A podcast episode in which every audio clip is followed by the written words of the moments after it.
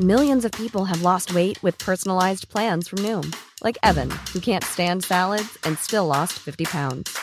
Salads, generally, for most people, are the easy button, right? For me, that wasn't an option. I never really was a salad guy. That's just not who I am. But Noom worked for me. Get your personalized plan today at Noom.com. Real Noom user compensated to provide their story. In four weeks, the typical Noom user can expect to lose one to two pounds per week. Individual results may vary.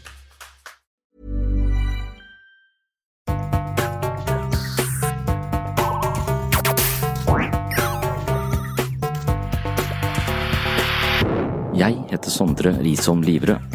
Jeg er psykolog, og dette er Webpsykologens podkast. Hverdagspsykologi for fagfolk og folk flest.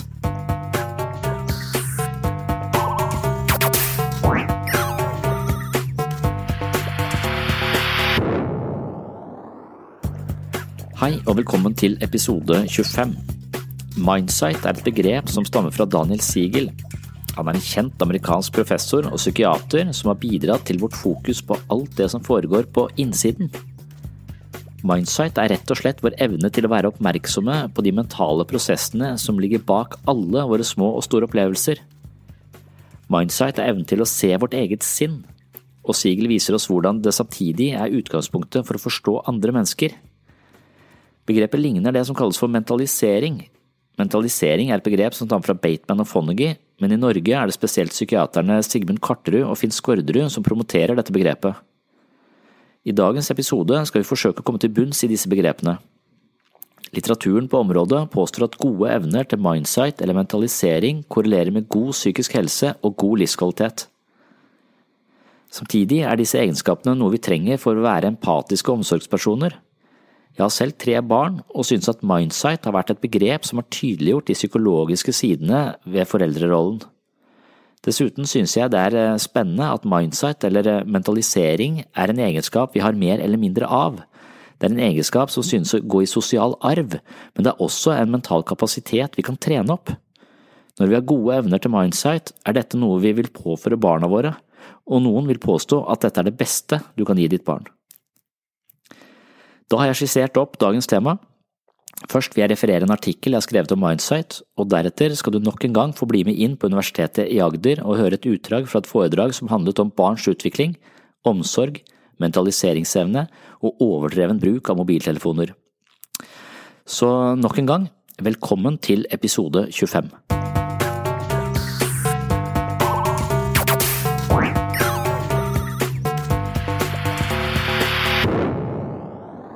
Å være foreldre byr på mange utfordringer.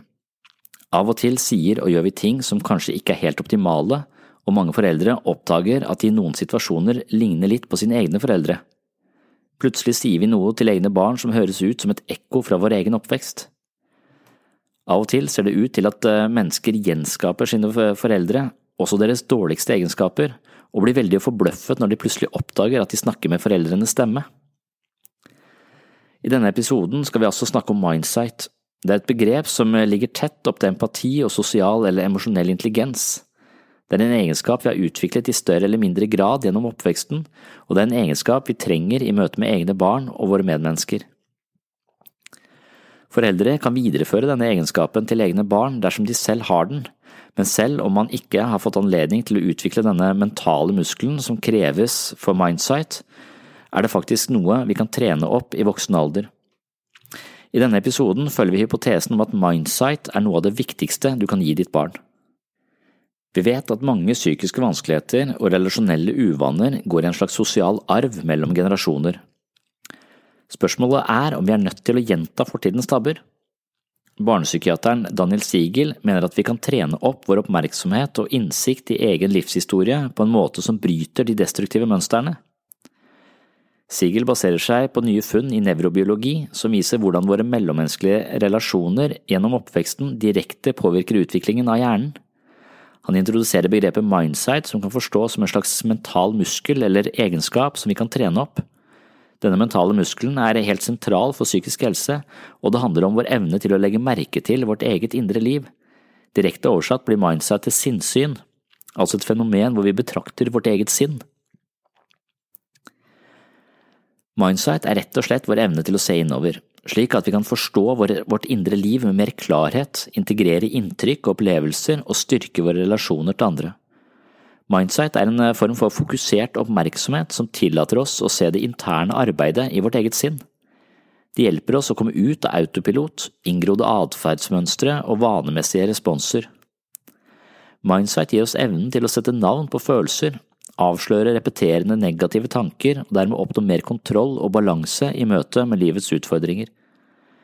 Istedenfor å være et offer for destruktive mønster i vårt psykiske liv, inntar vi rollen som observatør. Det betyr i neste omgang at vi har muligheten til å gi følelsene som oppstår et navn og temme deres innflytelse istedenfor å bli overvelda. Mindsight er en ferdighet man kan lære seg. Det er den grunnleggende ferdigheten som ligger bak det man kaller for emosjonell og sosial intelligens. Når man utvikler ferdigheter i Mindsight, utvikler også de fysiske strukturene i hjernen seg. Denne åpenbaringen er basert på en av de mest spennende vitenskapelige oppdagelsene fra de siste 20 årene. Hvordan vi fokuserer vår oppmerksomhet, former strukturene i hjernen vår. Poenget med Mindsight er at vi kan trene opp den linsen vi bruker for å se innover. Det handler om å innta rollen som en nøytral observatør av vårt eget indre liv. En forsker vil studere et fenomen over lang tid for å komme til bunns i ulike sammenhenger. På samme måte bør vi forholde oss til vårt eget indre liv. Vi studerer sinnet og oppdager hvordan vi av og til overreagerer, er unødvendig bekymret eller lar oss fange av følelser. Hver gang vi betrakter oss selv på denne måten, styrkes vår evne til mindsight.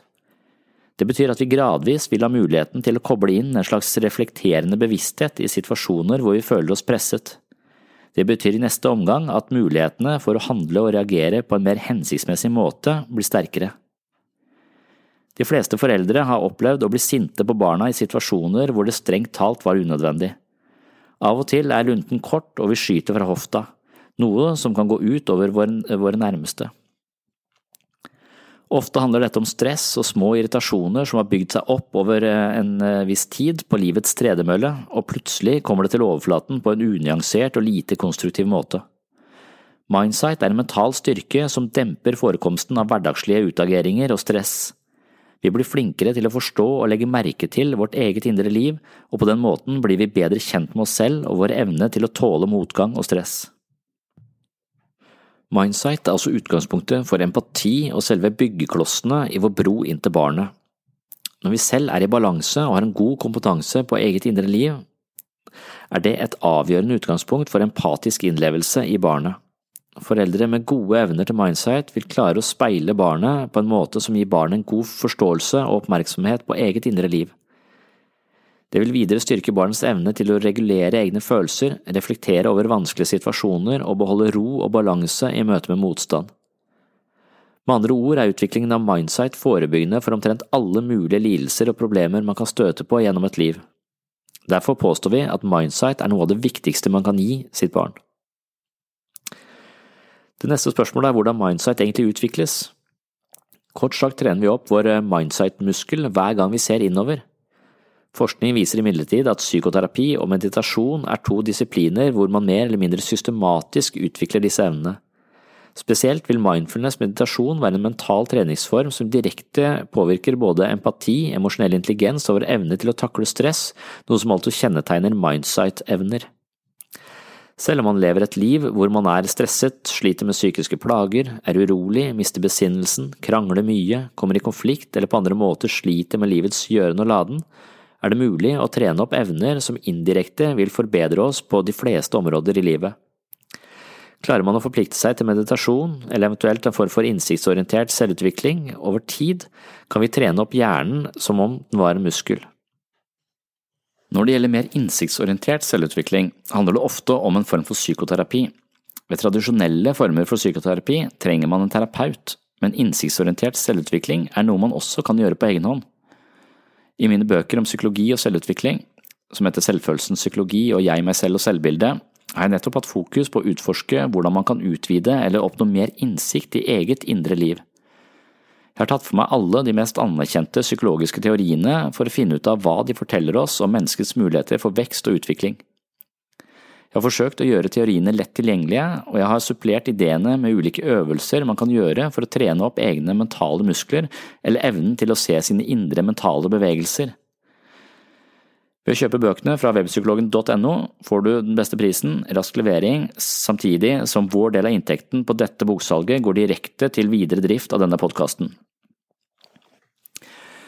Nok reklame for denne gangen.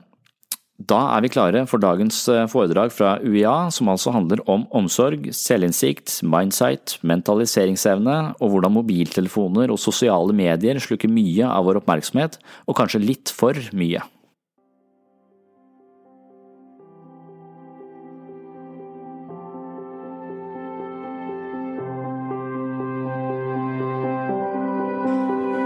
Men, men hva er det viktigste med Daniel Stern? Daniel Stern han er på en måte litt sånn eh, representant for en ny epoke innenfor eh, utviklingspsykologien. Uh, han han er kjent for at han rett og slett kobler teori og empiri. Eh, mens Freud er kritisert for at han, bare, han har bare case-studier og teori. Og mange av disse egopsykologene og objektrelasjonsteoretikerne baserer seg på teorier. Eh, mens Freud mye om enkeltmennesket, så går disse postfreudianerne ned og er mer opptatt av det relasjonelle. Men like, likevel på den venstre siden av eh, disse vitenskapsteoretiske kvadrantene, altså på det subjektive, det indre, teorier om hva foregår på innsiden, så, så er Daniel Stern han er psykoanalytiker analytiker i bånn, eh, eh, men han er også eh, på en måte sett verdien av empiri empiri, altså studier eh, av sansbare, observerbare fenomener. Så han kobler det observerte barnet med det kliniske barnet. Det er det som han eh, eh, på en måte er kjent for. Så, så her åpner seg det kliniske barnet, er det barnet vi har teorier om, og gjerne har utleda fra hvordan de fungerer i voksen alder. Så, så har spedbarnsforskningen plutselig kommet på bane, og det mest revolusjonerende Verktøyet innenfor spedbarnsforskning er videokamera. Eh, på sett og vis. Så når det på 60-70-tallet eh, eh, ble en mulighet, så, så, kunne man se på samspillet mellom mor og barn på en helt annen måte. Og man begynte også å, å å Man begynte også forske på barn og se på hva istedenfor å finne ut av hva barnet ikke kan hva spedbarnet ikke kan. Det er helt åpenbart, det kan ikke gå, det kan ikke det, og det kan ikke det. Det er masse ting det ikke kan. Så begynner seg, Hva kan det egentlig? Hvordan er det egentlig å være spedbarn? Hva slags potensial og hva slags ferdigheter ligger i dette bitte, bitte lille eh, mennesket? Så da begynte man å forske mye på, eh, på, eh, på spedbarnet, og da får vi det, si, det, observerbare barnet inn i teoriene. Og vi får da en kobling hos Daniel Stern mellom teori og det man faktisk vet om det å være, være spedbarn. Så Daniel Stern er da kjent, han fokuserte mye på normalutvikling. utvikling og han bruker mye av den dataen eh, som baserer seg på videoopptak. Så når vi kommer inn i denne fasen av boka, så går vi plutselig litt opp til høyre. altså Vi beveger oss over i høyre del av dette vitenskapsteoretiske landskapet, hvor vi er mer opptatt av det, det, det som måte kan observeres, det som er empirisk og, og, på en måte studert fra mer naturvitenskapelige metoder enn bare de fortellingene vi har lagd om Ødipuskompleks og, og sånne teoretiseringer. Eh, så I det kapittelet der så nevnes det en del av de studiene som er gjort. Det kan dere jo eh, lese, men f.eks. så sier man at uh, spedbarnet kjenner igjen mammaen etter tre dager. hvordan vet du det? Har du spurt det? Nei, man, man, man, finner ut av hvordan, hvordan spedbarnet orienterer seg. Og En ting de har gjort, da, er å legge et uh, bitte lite menneske, spedbarn, med en sånn ammeinnlegg med morsmelk på fra mamma Eh, og fra en eh, ukjent eh, person. Og da er det ganske konsekvent at barnet vender hodet den veien som er mot altså morens melk ammeinnlegg. Så, så at det, lukt er en sans som er til stede, og barnet orienterer seg, kjenner igjen denne typen, denne typen lukt som min mamma kontra ikke min eh, mamma. Eh, også, de lagde også en smokk Eh, eh, eller en sånn type sugeanordning eh, som sørget for at når barnet sugde på den, og det sugde hardere og hardere, så kom det eh, lyd.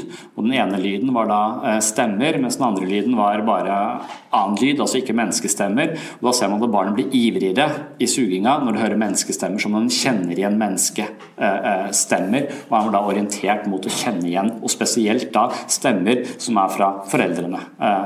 Så, så barnet diskriminerer på en eller annen måte verden og har en oppfattelse av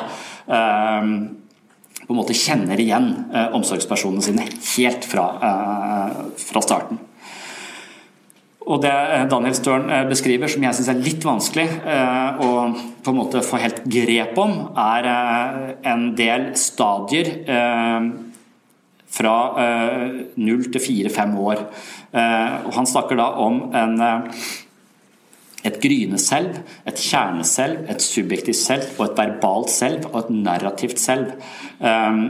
Og vi, kan, kan, vi, skal kjapt se hva vi, hva vi, kan forstå av det, men det er også et poeng i, uh, i Daniel Sterns teori, at, og det gjøres det et poeng ut av i, i, det første kapitlet også, at det er forskjellige måter å forstå utvikling på.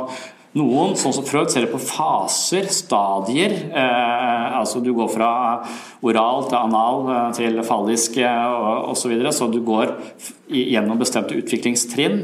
Eh, mens Daniel Stern sier at det er utviklingslinjer mye mer. Eh, så det betyr at eh, du på forskjellige tidspunkter i livet ditt så starter potensialet for en ny utviklingslinje dukker opp ofte på bestemte tidspunkter i livet ditt, men så vil de fortsette å utvikle seg gjennom hele, hele livet. Så istedenfor at du går fra ett trinn til et annet, så vil du bare nye trinn dukke opp og bli til nye utviklingslinjer. Hvis man skal ta det til sånn voksenpsykologi, så er det også en sånn tanke som har dukket opp i det siste, spesielt i forhold til, til dette med intelligens. Man måler ofte intelligens. Og så kommer en som heter Howard Garner ut med en, med en bok om 'multiple intelligences', som snakker om utviklingslinjer. Og sier at det vi måler som den klassiske intelligensen, bare er en bitte liten brøkdel av hva som på en måte konstituerer det å være et menneske. Så, så da istedenfor å spørre 'hvor intelligent er du', så spør han 'hvor hvordan er du intelligent? Og Ideen er at det er 25 forskjellige intelligenser hvor vi er forskjellig utvikla på forskjellige områder. Vi har moralsk intelligens, vi har en vanlig IQ-intelligens, eh, vi har en motorisk intelligens, vi har en eh, estetisk intelligens, vi har en musikalsk intelligens. Altså Vi har mange forskjellige områder som er mer eller mindre utvikla på. og Etter hvert som du kan på en måte utrede hvor man ligger på disse nivåene, så får man en slags psykograf. Så man trenger ikke være sånn hyper-IQ-intelligent, men likevel ha ferdigheter som er kjempehøyt oppe på helt andre områder. En mellommenneskelig intelligens, en relasjonell, en emosjonell intelligens eh, eh, snakker de om. Så da kan man se for seg at eh, du kan være hyperintelligent, men ha null moralsk intelligens eller mellomintelligens, og da får du Hitler. Donald Trump. Hvem det nå skulle være. Men jeg tror ikke han har så høy intelligens heller. Jeg tror han har lav på intelligens også. Det tror jeg skiller han og Hitler. Så jeg tror jeg blir en dum Hitler. Det er jo nesten verre. Millions of people have lost weight with personalized plans from Noom, like Evan, who can't stand salads and still lost 50 pounds. Salads, generally, for most people, are the easy button, right? For me, that wasn't an option. I never really was a salad guy. That's just not who I am. But Noom worked for me. Get your personalized plan today at Noom.com. Real Noom user compensated to provide their story. In four weeks, the typical Noom user can expect to lose one to two pounds per week. Individual results may vary.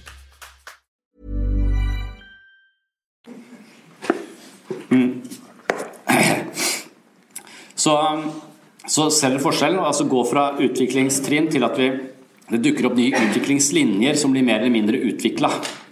Eh, på, mm, ja, på forskjellige aspekter ved det å være, være menneske.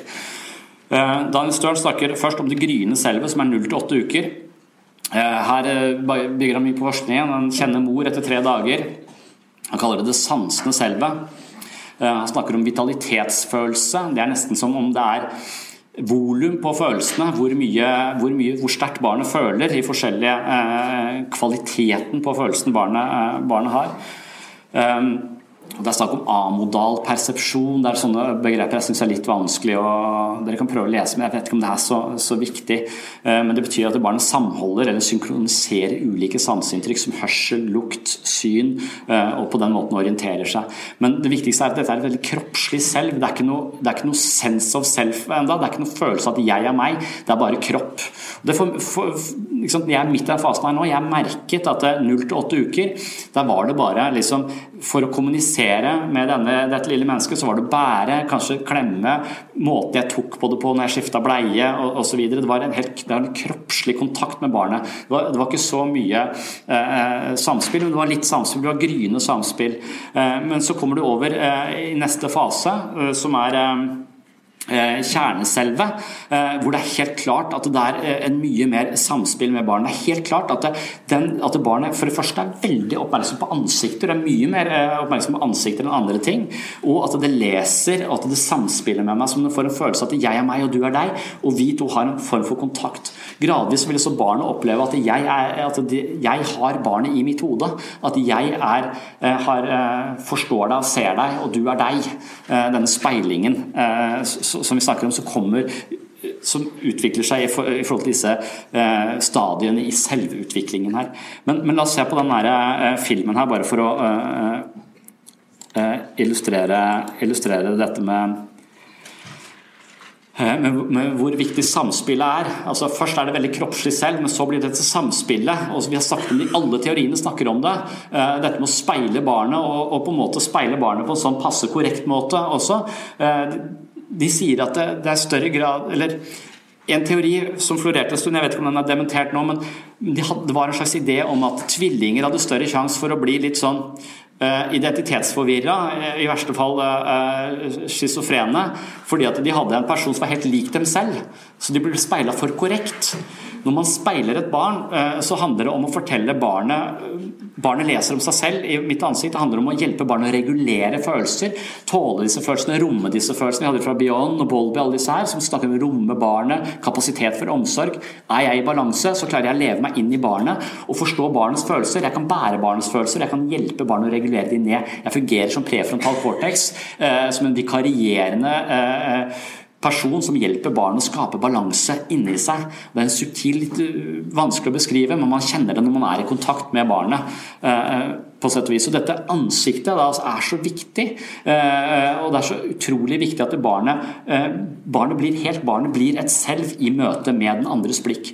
Og hva skjer da når vi er på Facebook? Eller hva skjer da når vi, eh, når vi hele tiden er opptatt av noe annet og bryter denne kontakten med barnet? Det er ganske skrekkinnjagende å tenke mye på.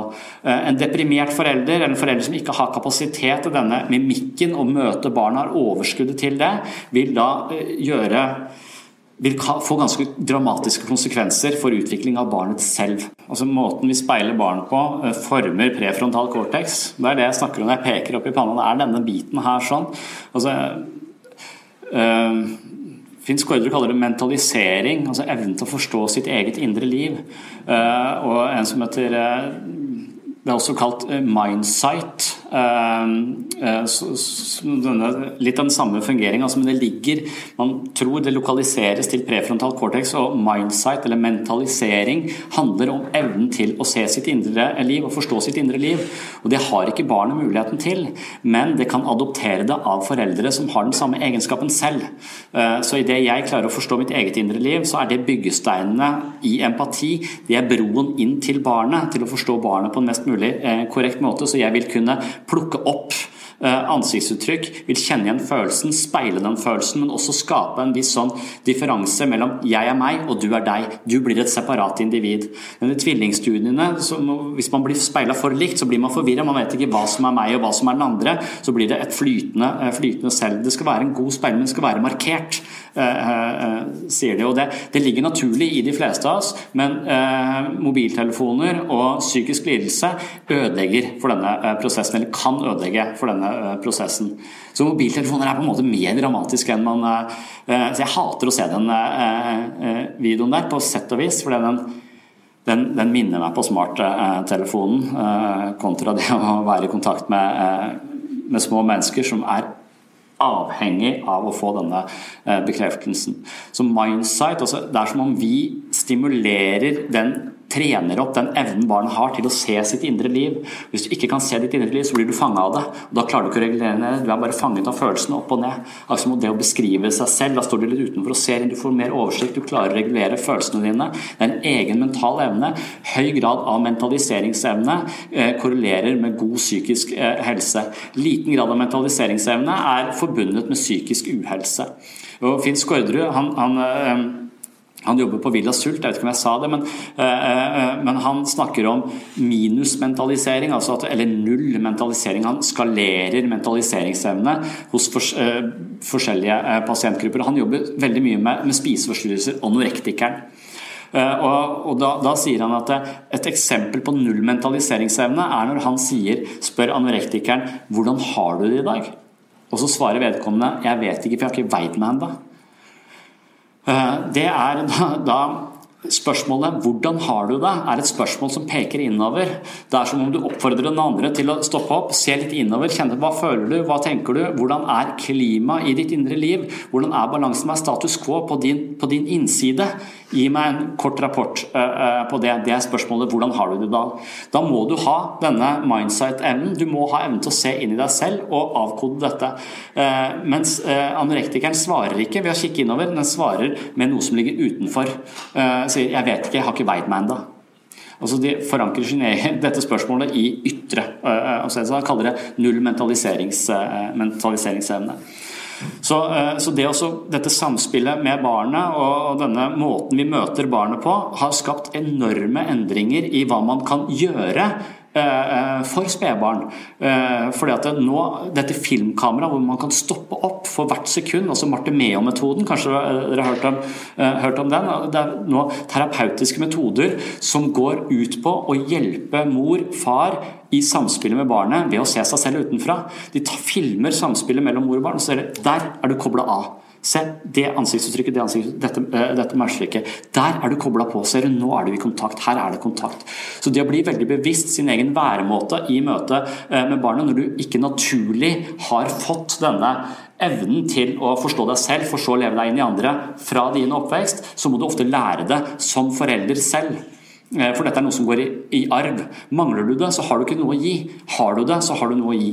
Og du kan utvikle det. Du kan lære deg å uh, forstå ditt, uh, ditt indre uh, liv. Og det å se seg selv utenfra da, det å bruke videokamera og filme samspillet mellom mor og barn, har vært en slags revolusjon innenfor Det står beskrevet i boka som en revolusjon innenfor spedbarnsforskning og spedbarnsintervensjoner, altså mor-barn-intervensjoner eller far-barn-intervensjoner. Eh, så eh, veldig veldig eh, viktig denne nye spedbarnsforskningen som står beskrevet spesielt i kapittelet om Daniel Støl. Og Da er vi oppe i det empiriske barnet.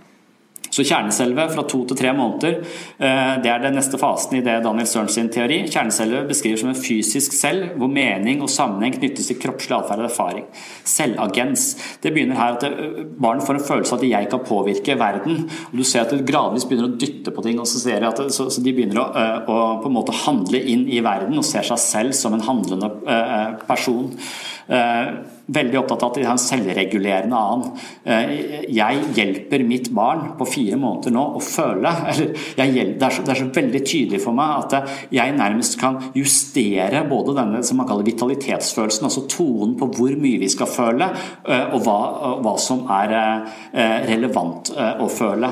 Eh, så, så, Det er veldig tydelig når du legger et spedbarn i badekaret, og de har ikke vært så vant til å bade så mye, på en måte selv om det ligger i fostervann, så, så legger du oppi en sånn spesialtilpassa badekar for babyer, for de ligger i en sånn rar stol, eh, og så sprøyter du vann på dem, og så blir det sånn Hva i huleste er dette her eh, for noe? Og så speiler du litt sånn Oi! Det var en oi-følelse.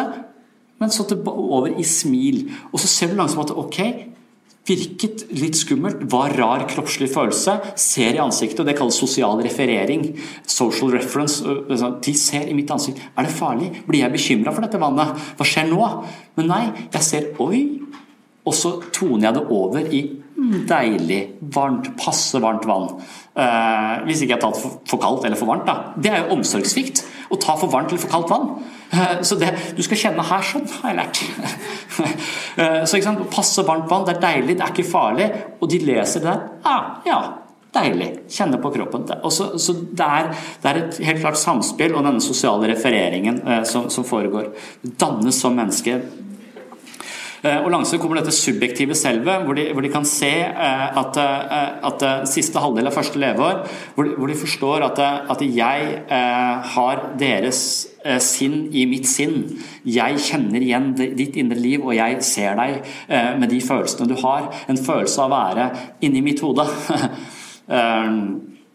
Eh, som, som, kalles det subjektive selve, og en følelse av at de er et subjekt, eh, eh, til forskjell fra meg som, som subjekt, men at vi er så tett. Vi har en tilknytning. Inntil subjektiv kommunikasjon det å dele oppmerksomhet. Dere så det barnet på videoen peker. Det er oss joint attention. Se, det er gøy. Se du også. Ja, vi to som to individer ser det ytre, og vi deler opplevelsen av det som er der. Se. Joint attention. Eh, en annen form for samhandling som dukker opp her i dette subjektive eh, selve. Og så kommer det verbale selve. Det er en slags eksplosjon. altså også det verbale eh, selve. Hva skjer nå? Altså, nå kan vi dele erfaringer på en helt annen måte gjennom språket. Så språket åpner verden på en helt ny måte, samtidig som den binder eh, eh, verden.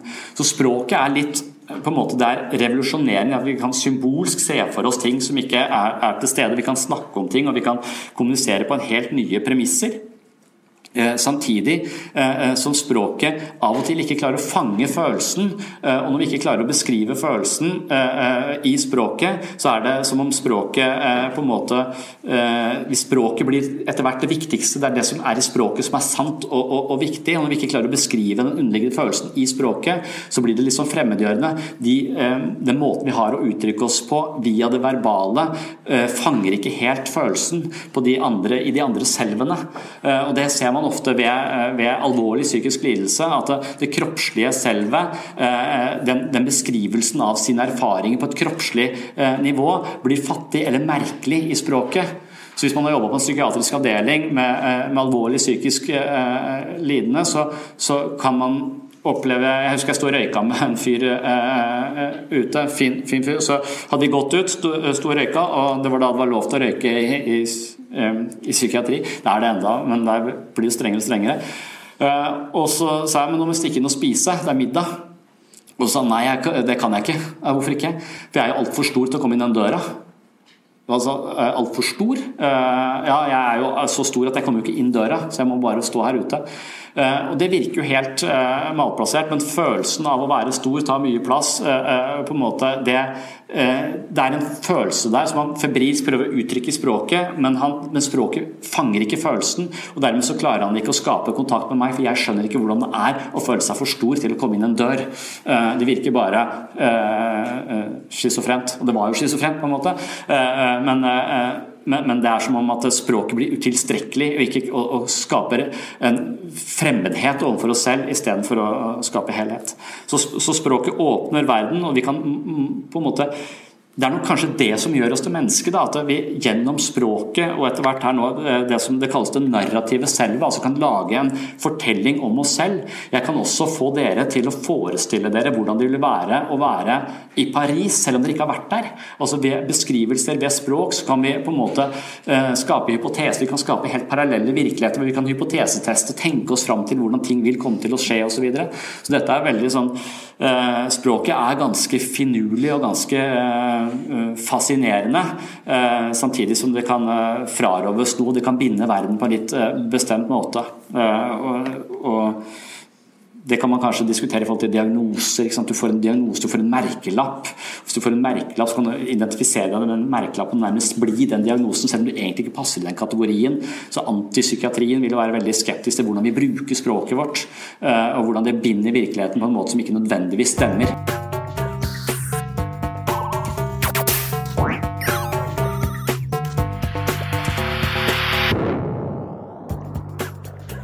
Takk for at du hørte på Webpsykologens podkast. Hvis du likte denne podkasten, hadde jeg satt stor pris på om du ga den dine anbefalinger på iTunes.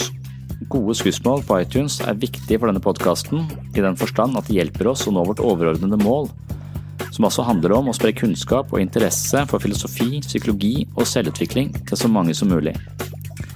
Gode ratinger gjør at flere plukker opp denne podkasten, og på dette punktet kan du som hører på, hjelpe oss. Gå inn på iTunes og legg igjen noen stjerner og en liten kommentar. Ellers håper jeg å være tilbake om kort tid med en ny episode. På gjenhør!